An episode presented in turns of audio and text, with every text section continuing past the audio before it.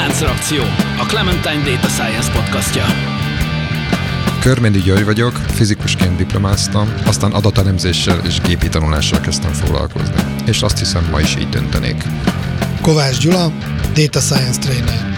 Célom az adatelemzési kultúra minél szélesebb körben való elterjesztése. Könyves Tóth előtt vagyok, hivatalosan matematikát, programozást és pszichológiát is tanultam, de az életben azt is megtanultam, hogy a nem hivatalos tanulmányok éppen annyira fontosak. Póli Ferenc, digitális terméktervező, tanácsadó, startupper és podcaster, akiben évtizedek óta harcol a programozó és az újságíró.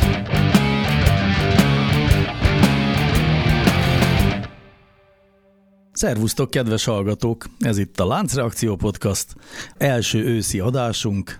Örülünk az ősznek? Igen. Nem. Színes az ősz. Én jobban szeretem a nyarat. Én is jobban szeretem a nyarat, de ezt a hőmérsékletet azért most egy kicsit értékelem. Nem tudom, ti hogy vagytok vele. Ja.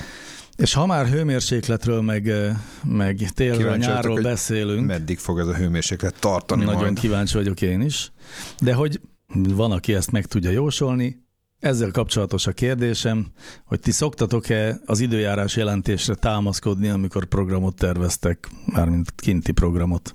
Egy általában mi a megélésetek az időjárás jelentések beválásával, felhasználhatóságával? A szubjektív megítélés, A szubjektív persze. mert majd a tudományról beszélünk. Hát a szubjektív az nekem romló. Tehát igazából van egy olyan élményem, hogy, hogy mintha rosszabbul mondanák meg az időjárást, mint régebben. És ilyen viszonylag konkrét eseményre is tudom visszavezetni, hogy, hogy nagyon néztük az időjárást előtte, nem is olyan nagyon sokkal, és aztán mégis más lett. Pedig mondjuk, hát mindegy, tehát jó lett volna tudni, hogy lesz eső vagy nem. Ja. Én, én meg úgy járok pont, mint te, csak hogy már megszoktam, hogy inkább nem nézem, el is kapcsolom, akár rádión, akár tévén időjárás jelentés van, de hogyha mégis valami nagyon fontos van, de jó lenne, akkor mostanában is történt ilyen, hogy mégis megnéztem, na aztán jó pórul jártam, mert hogyha fölnézek az égre, akkor Igen. jobban jártam Hogy volna. Erre gondoltam, hogy ezt kéne most már valami tudományosabb alapossággal tesztelni, hogy ilyen esetben, amikor úgy bizonytalan vagyok, és, és az ég az nekem egy lehet, hogy mást mondana, azt el kellene kezdenem írni, hogy most a paraszt bácsi kimegy reggel és fölnéz az égre, és leköp a porba, és megmondja, milyen idő lesz, hogy az működik-e. Hát igazából én azt vettem észre, hogy egyetlen egy dologra voltam kíváncsi nyáron. Meglepő módon arra, hogy fog esni. Tehát én nem gondoltam volna, hogy én valaha könyörögni fogok az égért, hogy, hogy, hogy valami eső legyen. Kell-e füvet nyírnod, vagy nem? Nem, egyszer elegem volt már. Tehát örültem volna, hogy egy kicsit, meg hát azért kezdett kiégni a füvem, ami a, akárhogy locsoltuk, az nem, nem, na mindegy, nem akarok belemenni. A lényeg az, hogy arra szoktam rá, hogy nem azt néztem, hogy mit mond az időjárás jelentés, hanem az időképen azt hiszem van egy olyan, hogy a, a műhold által fényképeket nézegettem, hogy a felhő milyen irányban megy. És mindig néztem, hogy Kecskemét valójában beleesik-e, ahogy mozog. Nem érdekelt, mit mond az előrejelzés, hanem ebből a mozgásból én magam csináltam egy tippet, hogy valósz, amikor láttam, hogy hogy Balatonnál megy Budapest felé, akkor tudtam, hogy itt az életben nem lesz eső. Nincs az az úristen, hogy csak a kedvemért tegyen egy kanyart Kecskemét fele. Viszont most, amikor volt ez a nagy esőzés, láttam, hogy Szebriából jön Pest felé, elmondom, ha most se fog esni, akkor a, soha az életben is tényleg zógott napokig. Úgyhogy érdekes módon ez a humán előrejelzés csak a fényképek alapján ilyenkor nem is annyira haszontalan, mint hogy az ember gondolna. Csak a hallgatók kedvéért tegyük hozzá, hogy Kecskeméten nem az ország szívcsakrája van, vagy valami nagy meteorológiai előrejelzési pont, Hát de, hanem a Gyula ezek ott szerint de. lakik. Igen. Tehát, hogy igen, azért szerettem, igen, azért pont igen. Kecskemétet néztem. mert hogy- Igen, ilyen önző, nagyon önző vagyok, Igen, ezt igen. már többen mond. Az alapviccet felemlíthetjük ebbé, vagy mindenki ismeri a favágókat, meg az öreg indián? Nem. Mondd el, mert jó vicc. A régi is. Tehát ugye a favágók vágják a fát, mert hát jön a tél, és hát az öltfülűt elküldik a öreg indiánhoz föl a helyre, hogy kérdezze meg tőle, hogy milyen hosszú lesz a tél. Mennyi fát vágjanak? Mennyi fát vágjanak. Uh-huh. És akkor hát az öltfülű fölmegy a helyre, az indián gurút megkérdez, és mondja, hogy hát vágjátok még a fát, erős tél lesz. Hát tovább vágják, akkor megint fölküldik, hát néhányszor fölküldik, ugye ezt eh, szép irodalmiban is el lehetne mesélni, aztán amikor utoljára megy, akkor Hát mindig egy erősebb telet jósol. És amikor utoljára megy, akkor kérdezi tőle a zöldfüle a kövegindiánt, hogy No de mégis, hát honnan mondja ezt, miféle képességé van? Hát azt mondja neki, hogy nézd, innen látszik, ott len vannak a favágok, milyen sok fát vágnak, hosszú tél lesz. Kicsit elrontottuk, mert azt hiszem, lehetne ezt még egy picit jobban emesélni, de, de egyébként az a lényeg. De legalább a point nem felejtettem el, és nem mondtam el előre. Értem, Nagyon szóval jó. hát Remélem azt- a azt valóság nem így működik. Mind a hárman azt mondjátok, hogy nem biztos különösebben a előrejelzésekben, legalábbis a meteorológiai Pedig előrejelzésekben. ezen a nyáron alapvetően tök egyszerű dolga lett volna a meteorológusoknak. 90 napig az az előrejelzés, hogy kánikula és nem esik, az egy ilyen 98%-os pontosságú Ah, előrejelzés De hát lett ez volna. be, is, be is jön egyébként.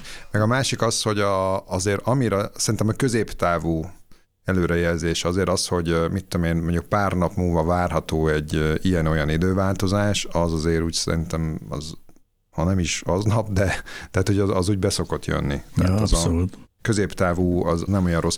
Meg az nyilván arra is jó, hogy egy hány fok lesz délután, hogy mi várható. Az, hogy, az, hogy konkrétan, ugye ami mindenkit legjobban érdekel, hogy lesz eső, vagy lesz a vihar, vagy nem lesz délután, azt főleg ilyen nyári, meg megfelelő körülmények között azt tudja a legkevésbé megmondani. De azért mondjuk a téli frontokat például sokkal pontosabban mondják, tehát ez a mikor fog elkezdeni havazni, azért az nem szokott zavar lenni.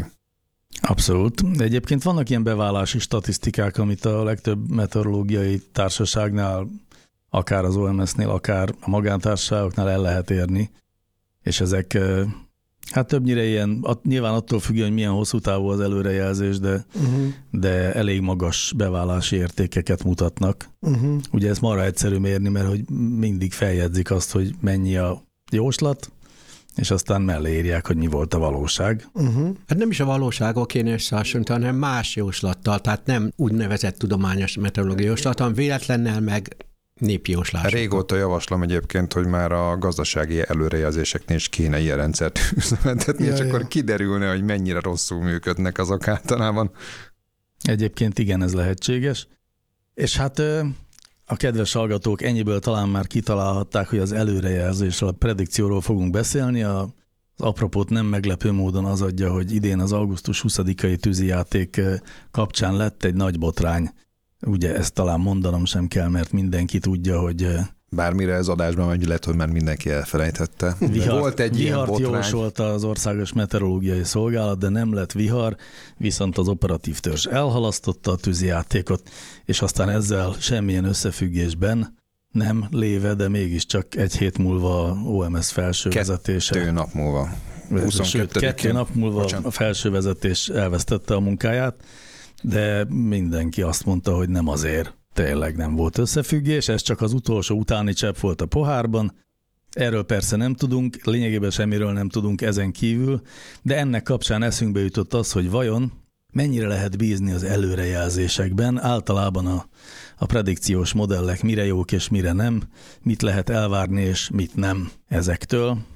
Erről szeretnélek ma kérdezni titeket. Egyébként azt, a, a, meteorológiai előrejelzések az ugyanúgy egy ilyen predikciós modellen alapulnak, ahogy tudom is én, egy gazdasági előrejelzés készül. Nem. Nem. Ennek van egy apropója, hogy én erről írtam egy blogposztot a LinkedIn-en, és hogy ez mennyire megmozgatta az emberek fantáziáját, ilyen olvasottságú poszton még soha nem volt. 30 ezeren nézték meg, és nyilván nem a szakmai rész miatt, mert nagyon sok mindent nem nagyon tettem a témához, csak arról agyaltam egy kicsit, hogy mi az, ami elvárható egy prediktív modelltől. Rengeteg komment volt, vagy 50, és az 50 kommentből 49 eh, a politikai részét emelte ki a dolognak, nem a szakmai részét, de azért túloztam, nem volt 49, kevesebb volt, de néhányan leírták, hogy nem teljesen úgy készül az előrejelzés, ahogy én gondolom, tehát nem egy klasszikus prediktív modell, ahogy mi data scientistek csináljuk, és volt, aki leírta, illetve linkeket dobott be, hogy milyen statisztikai módszerekkel megy ez az egész, tehát eh, a módszertan az más, de a lényeg, hogy valamit előre kell jeleznünk, akár egy időjósnak, akár egy data scientistnek, és e- emellett valamilyen valószínűséget kell mellé raknunk, az output az csontra ugyanúgy néz ki. én egy kicsit készültem, mert én is erre jutottam, hogy ez, erről fontos beszélnünk, nem csak arról fontos beszélnünk, hogy mit várhatunk egy előrejelző modelltől, meg mit nem, hanem arról is beszélhetünk, hogy igazából többféle vagy sokféle ilyen létezik, és különböző okok vannak annak a hátterében, több különböző ok is, teljesen más jellegű okok, hogy ezek az előrejelzések, ezek, ezek csak valószínűségi előrejelzések, és nem exaktak. Nagyon ügyesen bújtál ki Feri az előbb, megdicsérlek, mert ugye már predikciós modellt emlegettél, bár lehet, hogy tudat alatt volt, de ugye a prediktív modelling, amit ugye mondjuk mi szakmánkban használnak, az egy viszonylag exakt fogalom, tehát hogyha ezt az ember beírja a Wikipédiába, akkor lesz ő neki egy szócikke, és az alapvetően a statisztikai alapú előrejelzésekről beszél. Viszont a időjárás előrejelzésben, legalábbis alapértelmezésben és elsőrendben nem statisztikai alapú az előrejelzés. Használnak ilyen technológiákat is, vagy, vagy eljárásokat is, de azért a, az alapja a időjárás előrejelzésnek az egyáltalán nem statisztikai. Az, az kőkemény, és teljesen exakt fizikai egyenletekre épül. Méghozzá ezek ugye különböző területen, elsősorban ugye a folyadék, illetve gázáramlásnak a, az alapegyenletei, a termodinamikának bizonyos alapegyenletei, illetve megmaradási egyenlete, illetve még egy-két más uh, ilyen alapvető megmaradási egyenlet. Sőt, én hozzá is teszem, hogy ennek nagyon szép neve van. Az egyik hozzászóló leírta, hogy ezt úgy hívják, hogy perturbált dinamikus fizikai modell. Igen, még egy kicsit beszélek róla. Amire az én előadásom... Bár gondolom ezt mindannyian Tehát a, az én forrásom az a konferenciánkon, ahogy a Datastreamen, ami még májusban volt, azon az OMS-nek az egyik modellezési munkatársa, Szép Szó Gabriella tartotta az egyik fő előadást, alapvetően a munkájukról beszél, tehát hogy hogyan működik, egy ilyen általános áttekintést is ad erről a, az időjárási modellezésről, és aztán ami a konkrétum volt, az az, hogy ők milyen fejlesztéseket csinálnak, ők elég komoly szuperszámítógépeket használnak ezeknek a számításoknak az elvégzéséhez, és az ezekkel kapcsolatos fejlesztéseket, meg terveket, meg munkáikat arról mesélt. Tehát visszatérve a, a számszerű modellezés alapjaira, használnak még például nedvesség kontinuitási egyenletet is, illetve bizonyos fizikai gáztörvényeket. Na most ebből gyakorlatilag egy olyan rendszer jön ki, egy egyenletrendszer jön ki, ami ugye egy adott térbeli és időbeli pillanatban meghatározza a légkörnek az adott paramétereit, tehát mint tudom, hőmérsékletet, szélsebességet, egyebet, és nedvességtartalmat. És ezeket, egy ilyen rácspontokat képzelünk ugye a Földre, és ezekben a rácspontokban képzik. Azt, hogy ezek, ezeknek a rasztereknek mondjuk mekkora a felbontása, az már egy más kérdés. Ezek ugye időben és térbelileg is pontszerűek, tehát hogy időbeli felbontása is van ezeknek, tehát valami olyan modellt képezünk, ami így időben előre megy, mondjuk nem tudom, 5 percenként, 10 percenként, valahány percenként, és ehhez egyébként nyilván mérési adatok is vannak, tehát rendelkezésre állnak különböző forrásokból, tehát földi állomásokból, meg műholdakról, meg egyéb helyekről mérési pontok, olyan információk, amiket tudunk és ismerünk. És amikor egy adott pillanatban azt gondoljuk, hogy tudjuk és ismerjük ezeket a kiinduló információkat, ezeket hívják ugye ezeknél az egyenletrendszereknél kezdeti feltételeknek fizikusok, és akkor el lehet kezdeni ezekkel a kis lépésekkel, kicsike térbeli, időbeli elmozdulásokkal kiszámolni azokat a változásokat, amiket ezeket az előbb felsorolt egyenletek adnak. Hogyha ilyen rémműletes műszóval akarom ezt megfogalmazni, ezek differenciál egyenletrendszerek, méghozzá ebben az esetben parciális és nem lineáris jellegűek, amik meg most nem részletezek. A nem linearitás az fontos, mert egyébként, hogy ezek az egyenletek lineáris jellegűek lennének, akkor még egész jó esélyünk lenne a, arra, hogy ne ázzunk meg estére, mert akkor egész jól meg tudnák mondani az időjárást. Ugye vannak olyan fizikai rendszerek, amiket jól le lehet írni hosszú időtávon. Ilyen például mondjuk a bolygóknak vagy a csillagoknak a mozgása. azt lehet tudni, hogy tehát most ki tudják számolni, hogy én, időszámításunk előtt 300 akárhányba hol milyen teljes vagy részleges nap vagy fogyatkozás volt, és ahhoz tudnak ugye történelmi eseményeket is kapcsolni. Ez azért van így, mert a bolygóknak a mozgását azt nagyon egyszerű egyenletrendszer írja le, és nincsen sok egymást befolyásoló, sok apró tényező paraméter. Szemben az időjárással, ahol egy adott helynek adott pillanatban az időjárását az összes környező helynek az időjárása befolyásolja, és emiatt már rövid távon sokkal nehezebben előrejelezhető, sokkal jobban hatnak ezek a tényezők egymásra, sokkal bonyolultabb lesz emiatt a számítás, ami önmagában még nem tűnt problémásnak mondjuk száz évvel ezelőtt. Tehát ugye a, a, a, ennek a numerikus előrejelzésnek az alapjai körülbelül száz évesek, amikor ezeket, ezeket elkezdték ö, meghatározni. A egyenleteket nagyrészt egy kicsit korábban is ismerték már, csak hogy itt arról van szó, hogy ezeket számolni kell sokat. És ugye minél pontosabban számoljuk, meg minél rövidebb időtávon, annál többet kell számolni, és annál pontosabb előrejelzéseket várhatunk. Ugye ezért kellenek a szuperszámítógépek is még mai napig egyre nagyobbak. Csak az a probléma, hogy ez jóval később derült ki. Először az volt az elképzelés, hogy hát ahogy ezek a, a mérési pont, egyre több mérési pontot veszünk fel, meg, meg egyre jobbak lesznek mondjuk a számítási lehetőségeink, egy idő után ugye már számítógépek, Ugye a számítás technika hajnalától kezdve az egyik legfontosabb ilyen nagy számítás igényű feladat, az éppen a meteorológiai időjárás előrejelzés volt. Ez volt egy ilyen nyilvánvaló use case, amiben, amiben használták ezeket a nagy számítógépeket. És hogy az volt az ambíció, hogy ezek majd, ahogy egyre több pontot mérünk, és egyre pontosabban tudjuk ezeket számolni, ezek egyre pontosabbak lesznek, és csak az, az áll az útjában a előrejelzés pontosságának, hogy minél részletgazdagabban tudjunk számolni.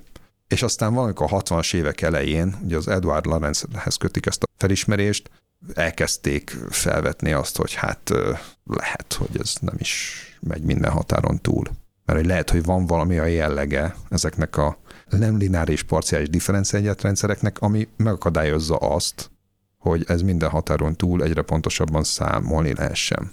És aztán ugye egyre jobban ezt, ezt nézegették, meg számolták, és kiderült, hogy valóban így van és ezt nevezték aztán a kaotikus jellegének az ilyen nem lineáris rendszereknek, és hát aztán ezzel kapcsolatban nagyon sok felismerés született, mert ugye egyáltalán nem csak ezen a területen, nagyon sok területen van ilyen jelenség, és az derült ki, hogy egy alapvető jellege bizonyos fizikai rendszereknek, hogy nagyon-nagyon közeli, és mi, mi, mi okozza a problémát? Az okozza a problémát, hogy hiába ismerjük azokat a kezdeti feltételeket nagyon pontosan, a kezdeti feltételeknek csak egy elképesztően kicsi változása, már rövid távon is, akkora eltéréseket okozhat, nem feltétlenül okoz, de okozhat a modellekben, vagy a modellek, tehát a különböző, tehát egy nagyon picit más feltétellel indítottam el a, azt az adott számítást. Mondjuk az egyik pontban 27,2 helyett mondjuk 27,3 fokot írok be, mondjuk mondtam egy példát.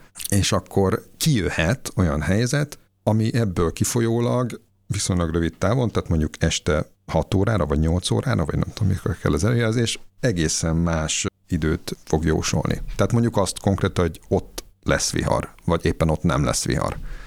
És ez egy inherens magától értetődő tulajdonsága ennek, amit persze korábban nem ismertünk, de, de hogy ez egy, ez egy belső, alapvető belső tulajdonsága az ilyen jellegű rendszereknek, hogy egy nagyon kicsi különbség az ugye nagyon nagy hatást okoz viszonylag rövid távon. Ez ugye a pillangó hatás néven is elhíresült, és egyébként ezeknek a, az ilyen kaotikus rendszereknek alapvető jellegzetessége.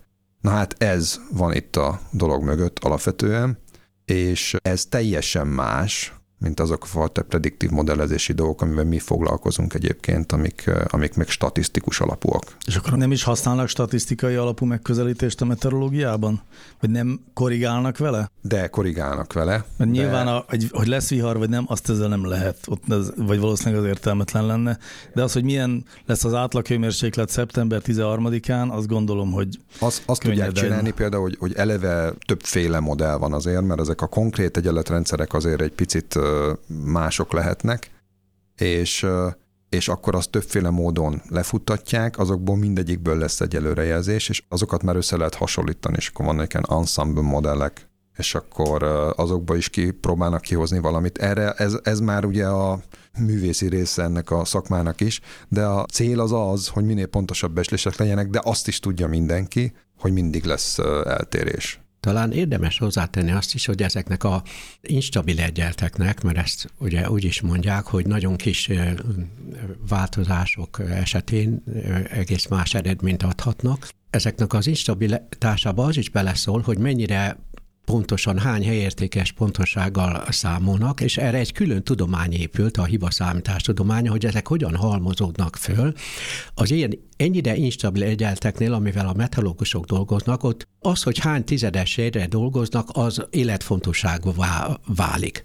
Na most hát, mivel nem végtelen sok tizedesére dolgoznak, hanem 10-20-30 helyértékre pontosan csak, ezért az ezekből származó eltérések, ahogy halmozódnak, a rendkívül sok milliónyi számítással, ez a helyzetnek az e, eleve való kaotikusságát, illetve instabilitását még fokozza. Az igazság nevében, csak mert itt van előttem egy statisztika, azt nézem, hogy a, hogy a háromnapos előrejelzéseknek a beválási valószínűsége az manapság 98% körül van az ötnaposaké pedig ilyen, hát olyan 90 százalék körül, ami nyilván, nyilván egy olyan átlag, hogy gondolom, hogy mondjuk a három nyári hónapban tök könnyű megjósolni, hogy nem lesz eső egy hétig, és akkor a, a változékonyabb időszakokat nehéz előrejelezni. Na most azt azért tudjuk az egyenletrendszereknél, hogy mik azok a helyzetek, mik azok a szituációk, amik nehezebben előrejelezhetők, és mik azok, amik pontosabban. Tehát ezt előre is lehet tudni már a számításnál, hogy mik azok a kezdeti feltételek, amik olyan jellegűek, amik így nagyon széttartóak tudnak lenni, és mik azok, amik meg stabilak. És egyébként ez meg a paraszti bölcsességgel teljesen korrelál, mert amikor stabilak, tehát ilyen, ilyen statikusak az időjárási körülmények, tehát nem fúj a szél, szép derült idő van, tehát felhők se nagyon mozognak, kiszámítható egy csomó minden, akkor várhatóan a közeli órákban is ugyanilyen idő marad. Tehát ezt tudjuk. Amikor meg nagyon gyorsan fúj a szél, nagyon gyorsan frontok jönnek, mennek, dinamikus az egész, akkor lesz sokkal nehezebben előre jósolható.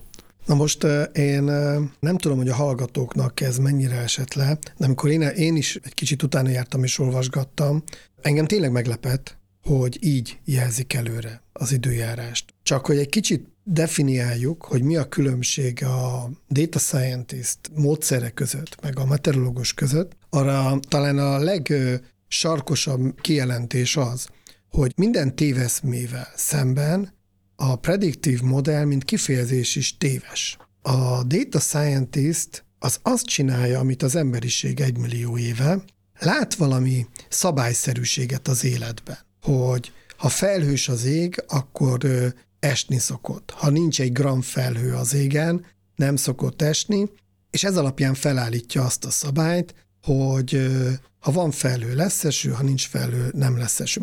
Az adatbányász az valójában nem prediktív modellt készít, hanem a múltbeli adatokban keres ilyen szabályokat. Ezek nem prediktív modellek, hanem azt mondja, van egy hipotézisünk. Tehát ne, ne, múltban se biztos, hogy működő, hisz amikor építjük, akkor se százszázalékosan pontosak, de van egy hipotézisünk, hogy a múltban találtunk egy szabályszerűséget, és a hipotézis az, hogy ezután is ez működni fog. Ez a szabályszerűség. És ezt elkezdtük nevezni prediktív modellnek. Aha. De valójában ez nem prediktív modell, hanem egy hipotézis arról, hogy ha már én találtam egy összefüggést, akkor az végtelenség innentől kezdve igaz lesz a jövőben is. Na most, amikor én elolvastam ezeket a cikkeket, akkor döbbentem rá, hogy ezzel szemben a meteorológusok nem így dolgoznak. Tehát nem arról van szó, hogyha van három felhő a budai hegyek felett, akkor a múltbeli találnak ilyen mintát, és akkor azt mondják, hogy amikor így álltak a felhők, meg a szél, meg a hőmérséklet, akkor volt a múltbeli adatokban 48 ilyen eset, és a 48 esetből 40-szer lett eső, 8 esetben nem, tehát mondjuk azt, hogy lesz eső. Én eddig azt hittem így működnek. Egyébként Gyula, tehát mondom 150 évvel ezelőtt nem tévedtél volna nagyon nagyot, mert akkor, akkor még így működött. Tehát, hogy, hogy azek, ezeket az előrejelzéseket pont ezért kezdték el csinálni, ugye már gyakorlatilag a hú, nagyon régen, tehát a 17 18. századtól vannak rendszeres feljegyzések, még Magyarországon is már azt hiszem a 18-tól van, van egy csomó mm. ilyen feljegyzés és ezt pont azért kezdték el, mert valóban volt egy ilyen jellege. Tehát léteznek ilyen típusú olyan analóg modellek, meg egyebek, amik ilyen jellegűek, és aztán utána, mondom, körülbelül száz évvel ezelőtt került az egész mögé uh-huh. egy olyan igényű leírás, meg egy olyan típusú modell, ami hát azt mondja, hogy hát ezek fizikai folyamatok, a légköri folyamatok alapvetően fizikai törvényekre vezethetők vissza, vagy legalábbis a máshol is ezek jól beváltak, alkalmazzuk ezeket is itt, Attól, hogy bonyolult, attól nem rettenünk meg, hanem felírjuk ezeket az egyedeteket, aztán nekiesünk megoldani. És mondom, az volt az árakozás, hogy akkor ez majd egy idő után exakt dolog lesz, és akkor, uh-huh. de egyébként gondoljatok bele, hogy az milyen vicces lenne, hogy ha, hogy ha tényleg úgy működne, hogy exakt lenne, akkor, akkor úgy működnének, mint a csillagok, és akkor azt tudnám mondani, hogy nem tudom, amikor a Julius Cézárt éppen leszúrták március idusán, akkor meg tudnám mondani, hogy milyen idő volt. Mert hogy akkor annyira pontosan ki lehetne számolni, de hát nem lehet. Ezt nem, hogy ezt nem lehet, hanem még ugye a jövő estét se lehet feltétlenül megmondani. De ettől még valójában az egész mögött itt, ahogy, ahogy te is mondtad, itt exakt egyenletek vannak, csak egészen más jellegű oka van annak, hogy ezeket mégsem lehet pontosan megmondani, hogy mi lesz a jövőben. Na, szóval én azért csodálkozom, hogy egészen a 60-as évekig hittek abba, hogy kvázi lineáris, minél jobb az adat, minél jobb a számítógép, annál jobb lesz az előrejelzés. Mert nemrég olvastam egy nagyon érdekes cikket, hogy ezek a kaotikus folyamatok mennyire reménytelenek, és egy tök egyszerű, hol vagyunk mi az időjárástól, biliárd golyók előrejelzéséről volt szó hogy mennyire tudjuk az ütés függvényében megtippelni, hogy hol fognak a golyók állni az ütés után. Leírták, hogy az első ütés után viszonylag egyszerű. Matematikai modellek, ugyanilyen... Newtoni mechanika. Igen. É, nem akarok belemenni részt. A lényeg az, hogy amikor már mondjuk a századikat akarjuk előrejelezni, hogy száz ütés múlva mi lesz, akkor a világegyetem összes atomja számítógép lenne, azt se tudnánk pontosan előrejelezni, mert már ott már az, hogy, hogy valaki tüsszögött a teremben, egy légy szállt a levegőben, ezek a, a látszólag totál indiferens dolgok, ezek olyan mértékben halmozódnak egy ilyen viszonylag egyszerű szituációban, mint hogy a biliárd golyók, ami az ember azt gondolná, hogy megütöd, tényleg ez a newtoni alap dolgok, már ott se előrejelezhetőek igazából Bocsánat, a dolgok. Hadd had értsem meg én is, hogy a, azt mondod, hogy a századik, vagy mondjuk a többedik mm. biliárd lökés utáni helyzet azért nem jelenthető előre, mert vannak külső tényezők is, amik nem beleszámolhatók, vagy azért, mert ha bár mindig az egyenletek azok így számolhatók, mm-hmm. csak olyan sok lesz belőle, vagy olyan sok variáció van, hogy egyszerűen nincs elég számítási kapacitás. Nem, nem, ugyanaz, tehát a jelenség alapja az ugyanaz a bizonytalanság, nagyon apró bizonytalanság, mint ami az időjárásnál tehát is pillangó tehát, tehát valójában a kezdeti feltételeket nem ismerjük eléggé pontosan, igen, és a jellegük olyan az egyenleteknek, hogy viszont szét fog tartani, és ilyen exponenciálisan, tehát hogy, hogy van egy olyan tendencia uh-huh. benne, hogy, hogy nagyon-nagyon szét fog tartani. Nem kordában tartható, mert ugye van a pont a hiba terjedésnél van olyan jellegű közelítés, amikor valahogy a hiba is így, így kordába tartható, de itt a hiba az, az igazából el, elszáll.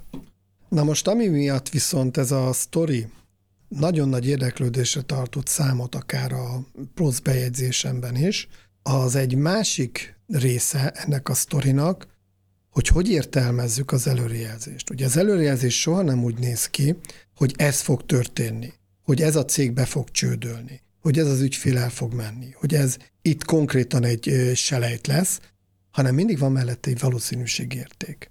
Jó adatbányász, egy jó meteorológus nem azt mondja, hogy ez fog történni, hanem azt mondja, hogy esni fog 80%-os valószínűséggel, vagy mint a konkrét példánkban, este 9-kor vihar lesz 80%-os valószínűséggel. Azt 75 volt vagy a pontos. 75, Igen. legyünk korrektek a, a valósághoz. Na és itt kezdődik az űrzavar. Egyrészt lehet azt mondani, hogy tévedtek, hisz ők azt mondták, hogy vihar lesz, legalábbis, hogy nagyobb valószínűséggel lesz vihar, mint hogy nem lesz vihar, és hát nem volt vihar. Másrészt a másik szélsőséges álláspont azt mondja, hogy biztos, hogy nem tévedett, hisz 20% valószínűség, vagy 25%-kal azt állított, hogy nem lesz vihar. Nem mondta biztos, hogy nem lesz vihar. És ezt egy kicsit érdemes körbejárni, hogy akkor mikor is vehető elő az, ele, az előrejelző, az elemző. Mikor mondhatjuk azt, hogy jól dolgozott, vagy rosszul? Az egyik szélsőséges álláspont szerint, tehát amikor azt mondják, hogy, hogy szegény meteorológus, miért bántották, hisz mondta 25% valószínűség, hogy nem lesz vihar, arra nagyon kell figyelni, hogy konkrétan egy esetnél nem tudjuk eldönteni, hogy ő most jó dolgozott vagy sem. Mert ilyen alapon egy előrejelző, egy meteorológus vagy egy adatbányász mindig ki tud bújni. Tehát mindig azt mondja, hogy 70% 79% 63 aztán tök mindegy, mi történik, azt mondja, hogy de hát egyébként nem mondtam 100% ra tehát nem hibáztam. Ugye ennek akkor van jelentősége, ha rengeteg szer jelez előre egy jellemző, és akkor már tudjuk mérni, hogy amikor 80%-os valószínűséggel mondott valamit, akkor az esetek 80%-ában találta el, akkor lehet mondani, hogy jól dolgozott, 60%-os valószínűséggel mondta, akkor az esetek 60%-ában mondta jól, ha viszont nem, tehát azt mondja, hogy 80%-os valószínűséggel lesz vihar, de soha nincs vihar, amikor ő azt mondja, hogy 80%-os valószínűséggel lesz vihar, na akkor viszont elő lehet venni. De a, a lényeg ennek a mondatnak, ennek a hosszú körmondatnak az, hogy egyetlen egy előrejelzés alapján nem lehet megmondani hogy a modellező jól dolgozott el. A lényege az összes prediktív modellnek az, hogy nagy volumenben, amikor nagy mennyiségben használjuk az előrejelzést, jobbak ezek a modellek, mint ha én hasra ütök. Igen, Gyula, de azért azt meg lehet tőle kérdezni, és azt minden alkalommal, és hogyha csak egyszer számolta ki, akkor is meg lehet tőle kérdezni, hogy hogy jött ki. Tehát azt, azt el lehet várni egy ilyen előrejelzésnél, hogy ez egy hogy ez egy ö, számítási logika. Tehát, tehát be, de, be, lehessen mutatni a szám... Na, de várjál, tehát, tehát hogy be lehessen az, mutatni hogy a számítási logikát. Tehát, hogyha, hogyha be tudja mutatni, hogy milyen ö, lépéssor eredményeként jött ki a számítás, akkor utána azt már lépésenként meg lehet ítélni, hogy ez mennyire volt megalapozott. És Így abban van. lehet olyan, hogy azt mondani, hogy hát ez egy nem megalapozott lépés, vagy adott esetben ez egy teljesen hibás lépés. Mert nem szokás csinálni ezt egyébként. Sokkal inkább, meg könnyebb is, meg egyszerűbb is, meg, meg nem tudom, nem abalgatják egymást. A holló-hollónak nem válja ki a szemét alapon. Ritkán szokott ez alapvetően az ellenzéknél is így menni, hanem inkább az a legegyszerűbb, hogyha valóban, ahogy te közelítetted, az eredmény szempontjából hasonlítgatjuk, hogy ki, melyik elemző milyen pontossággal ítél. És vannak olyan szakmák, itt a közgazdászokat ekésztem, ahol még ez sem működik, mert ott igazából semmilyen számolkodás nincsen. Tehát mond egy infláció értéket, hogy mennyit mondott, és akkor azt én még olyat nem hallottam soha, aki azt számon kérte volna, hogy te rendszeresen ilyen, így vagy azt vagy, amit csinálsz. Uh-huh. Tehát, hogy így tévedsz, úgy tévedsz. Még ugye a másik kedvenc baráti körünknél, a, a piackutatóknál, ott, vagy pontosabban a politikai közönkutatóknál ott szokott lenni ugye némi vendetta, amikor így, amikor mondjuk van egy választás, mert uh-huh. akkor utána akkor így megy a csapkodás, hogy akkor miért ment félre. Egyébként pontosan hasonló okok mentén az is egy ilyen teljesen tehát abszolút nem exakt folyamatok meg jelenségek állnak a dolog háttérébe, tehát nem lehet leírni mondjuk a politikai viselkedést, vagy a gazdasági viselkedéseket ilyen egyenletekkel, mint ahogy a meteorológusok le tudják írni, és ezért én amennyire ismerem ezeket a, a, a módszereket, azért elég sok olyan típusú adhok eleme van ezeknek a képzésének, amikor már tulajdonképpen azt is megkérdőjelezni, amikor azt mondják, hogy 57% nem mondanak ilyet, tehát így például a piackutatók pont elég óvatosak, azok ilyen nagy valószínűséggel lehet mondani. És ugye amikor meg megkérdezik, hogy most a 95% os mert az előtt mindjárt adunk nekik szót, már teleírta már a papírját, tehát, hogy a, hogy a 95% os konfidencián szintet kiejtik a szájukon mondjuk, akkor, akkor azt ott vissza lehet kérdezni, hogy pontosan mire vonatkozik, és akkor valójában a 95% az például elszomorítóan szűk értelmezési tartományban igaz. Tehát, hogyha megmondják, hogy pontosan hogy is van, akkor, akkor igazából elszomorodsz, és azt mondod, hogy hát ez valójában akkor arról, hogy ki hova fog szavazni, vagy nem tudom, nem sok mindent mond. Legyen meglepetés. Hadd mondjak egy, vezessek be egy egészen más szempontot, mert van, aki ezeket nem akarja tudni, van, aki nem akarja jóslatokat tudni, és nem akar mindent érteni, és ezzel kapcsolatban tök véletlenül tegnap olvastam valamit, kíváncsi vagyok, kitaláljátok-e, hogy ki írta. Milyen kár volt kitalálni, hogy tulajdonképpen mi az a csillaghullás? Gondolom valahányszor azt látok, akár kitalálta föl először nagy kegyetlenséget követett el, mikor azt másokkal közölte, már ha a tudományával elrobolt magától egy élvezetet, legalább hagyta volna azt meg másoknak, hadd bámulták volna örömet szerző tudatlanságukba, és értelmezték szóról-szóra azt a szép csillaghullást. De csak eszébe jutott volna előbb-utóbb másoknak, hogy egy elhallgatott is volna vele, ej zárták volna azt a mások is magukba e felfedezést, hogy maradt volna meg nekem és sok ilyen magamféléknek ez a gyönyörünk, kik bizony még véteknek találtuk volna ilyen levegőgyulladásban keresni előttünk oly nagy és titokszerű jelenetnek az okát. És így tovább. Ilyen ékes szólóan.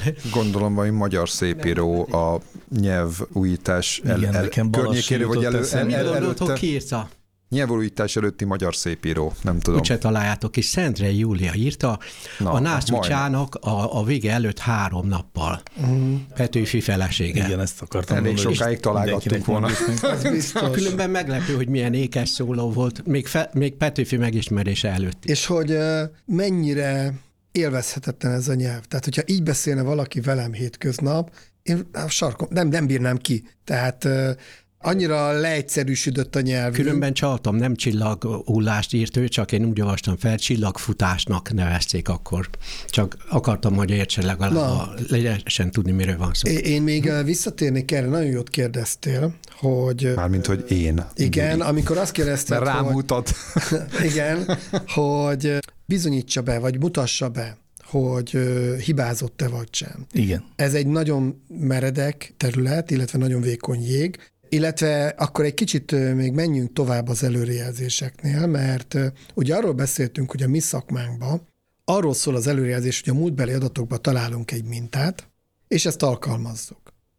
Tehát és feltételezzük, ilyen, hogy ez a jövőben igen. is ugyanez a minta És lesz akkor a, a Gyuri főnöke megkérdezi tőlünk, hogy mondjuk meg, hogy miért mondjuk azt, hogy most valami történik a jövőben, és akkor ilyenkor megmutathatjuk nekik, hogy de hát azért, mert a múltbeli adatoknál amikor hasonló szituáció volt, ilyen volt a múltbelatokban 184-szer, ehhez hasonló szituáció, és abból 160 esetben csődbe jutott a cég. Ezért gondolom azt, hogy csődbe fog jutni a cég. És ez olyan meggyőzőnek is tűnik, de van még egy csavar a történetben, ezt úgy hívják a mi szakmánkban, hogy túltanulás. A túltanulást azt én úgy tudnám ö, hétköznapi nyelvre lefordítani, mint a Babona. A babona miről szól, hogy vizsga előtt a zöld nyakkendőmet vettem fel, és átmentem. Következő vizsgán is zöld nyakkendő volt a, a rajtam, átmentem, és innentől kezdve mindig zöld nyakkendőben megyek vizsgázni, akkor is, ha onnantól állandóan kirúgnak. Mert volt egy kis számosságú minta, ami működött ez a szabály, és onnantól kezdve elkezdünk ragaszkodni hozzá. Na most az adatelemzők egyik súlyos hibája az, hogy találnak egy olyan mintát, ami csak a tanító adatbázisba igaz. Ott nagyon. Tehát ott 100-ból 90 esetben tényleg működik, de valóságban nem.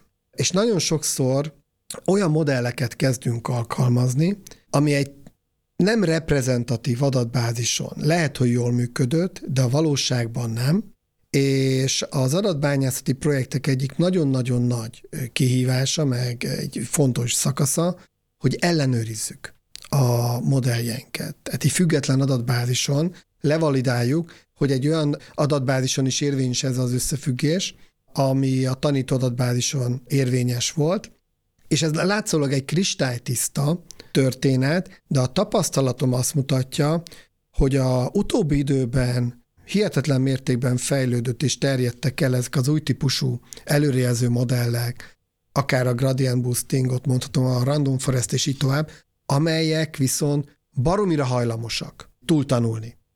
Tehát olyan összefüggéseket találnak, amik a tanítóadatbázison baromira pontosak, de gyakorlatilag azért, mert tényleg az utolsó bitig mindenféle eseteket végvizsgálnak, és nagyon nehéz elengedni az ilyen pontos modelleket, amikor kiderül, hogy ezek valójában más független adatbázisokon ezek kevésbé érvényesek. Miről lehet megismerni a túltanulást? Hát a, a legegyszerűbb az, hogy baromira pontos. Az, az én tapasztalatom az, hogy azért a legtöbb modell nem rossz, ahhoz képest, hogy egy szakértő mit mond, de amikor ilyen 99%-os pontosságú modellt ö, építesz, ott azonnal gyanút kell fogni. Ugye szeretnénk minél pontosabb előre, ezt még nem mondtuk. Uh-huh. Tehát pedig ez egy elég fontos dolog, hogy akármilyen előrejelzést csinálunk, azért ott az az ambíció, hogy az minél pontosabb legyen, mert azért csináljuk.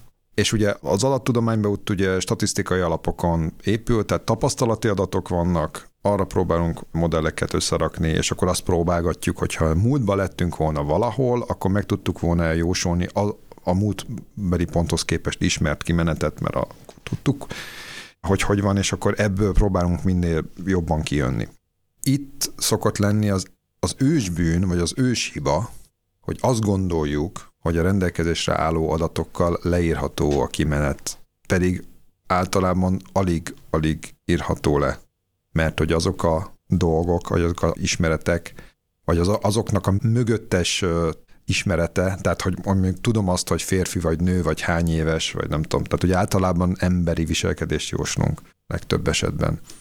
Az leírná azt, hogy ő most nem tudom, most a jövő hónapban vagy a következő negyedében el fog-e menni, vagy mondjuk a, a fogyasztási adatai, tehát hogy most nem tudom, milyen kiket hívogatott, meg hova, milyen hívás irányba hívogatott, vagy, vagy mi, hányszor vett fel, nem tudom, ATM-ben pénzt a milyen módon, az leírná azt, hogy ő a jövőben mondjuk hogyan fog viselkedni.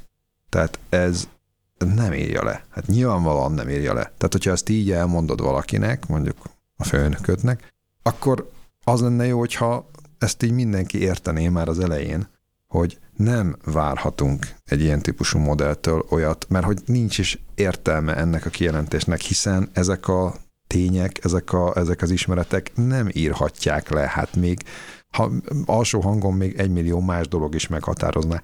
Ha létezne olyan exakt egyenletrendszer, vagy valami szabályrendszer valahol a nagykönyvben, a, a adattudósoknak a nagykönyvébe, amik az adott változót azt így exaktul leírja, mint a fizikusoknak a egyenletei a bolygók mozgását, akkor elgondolhatnánk azt, hogy ha ezekről kellő ismereteket megszerzünk, akkor tudunk olyan modellt építeni, ami ezt felépíti, és akkor az, az előre fog ilyen értelemben is jelezni. De valójában ez sosincs így, sőt, fogalmunk nincs arról, hogy, hogy mit. Tehát igazából az adattudósok az adatokon valójában egy ilyen, tehát nem azt mondom, hogy ez szemfényvesztés, valójában az van, hogy minden tudományos jellegű megközelítésnek, vagy minden tudománynak, tehát hogyha most én egy új tudományt kifejlesztek, akkor is azt fogom csinálni, hogy a környező világból próbálok valamit meghatározni. Mit fogok vele csinálni? Elkezdek róla ismereteket gyűjteni, mindig ez a, a tudomány történetében, az összes tudomány esetében ez volt, hogy megfigyeléseket végeztünk. Tehát ugye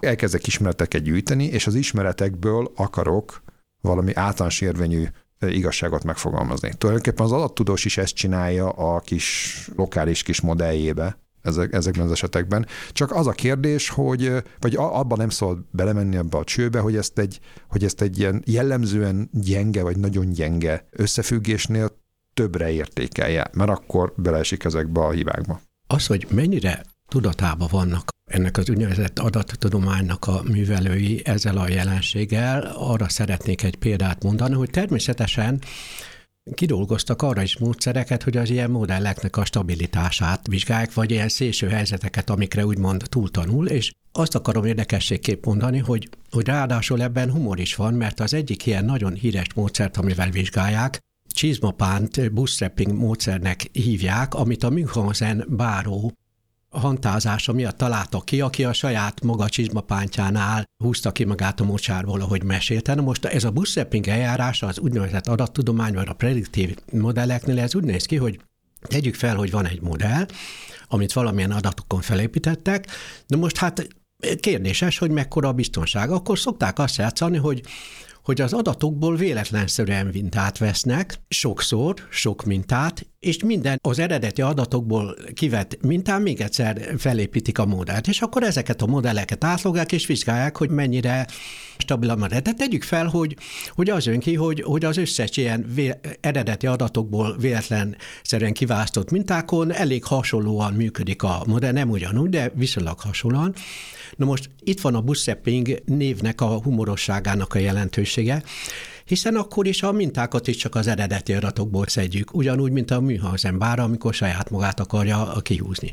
Csak azt akartam mondani, hogy végül is tehát akik ezzel foglalkoznak szakmaszerűen, azok nagyon is tisztában vannak ezekkel a ügyekkel, és az egy külön tudomány a prediktív modellezésben, hogy hogyan ellenőrizik a stabilitását az ilyen modelleknek, meg a túltanulását, vagy a vagy a bizonytalanságát.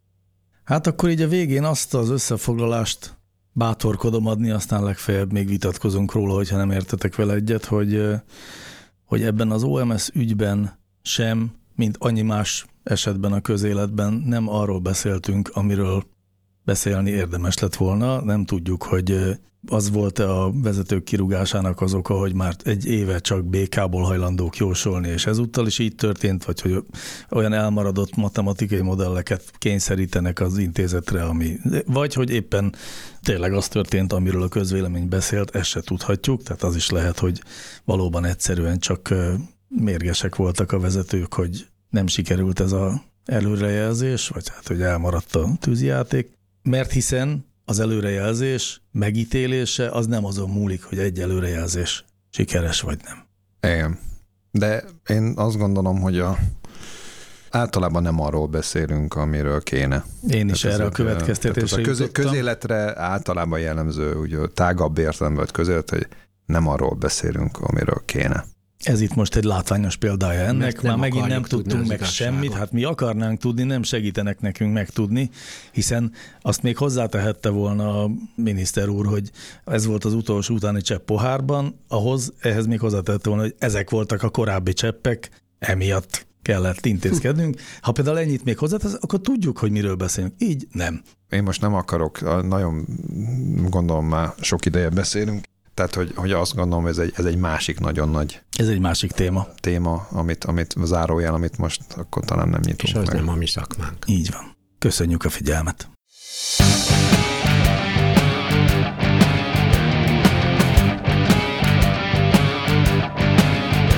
Láncreakció, a Clementine Data Science podcastja.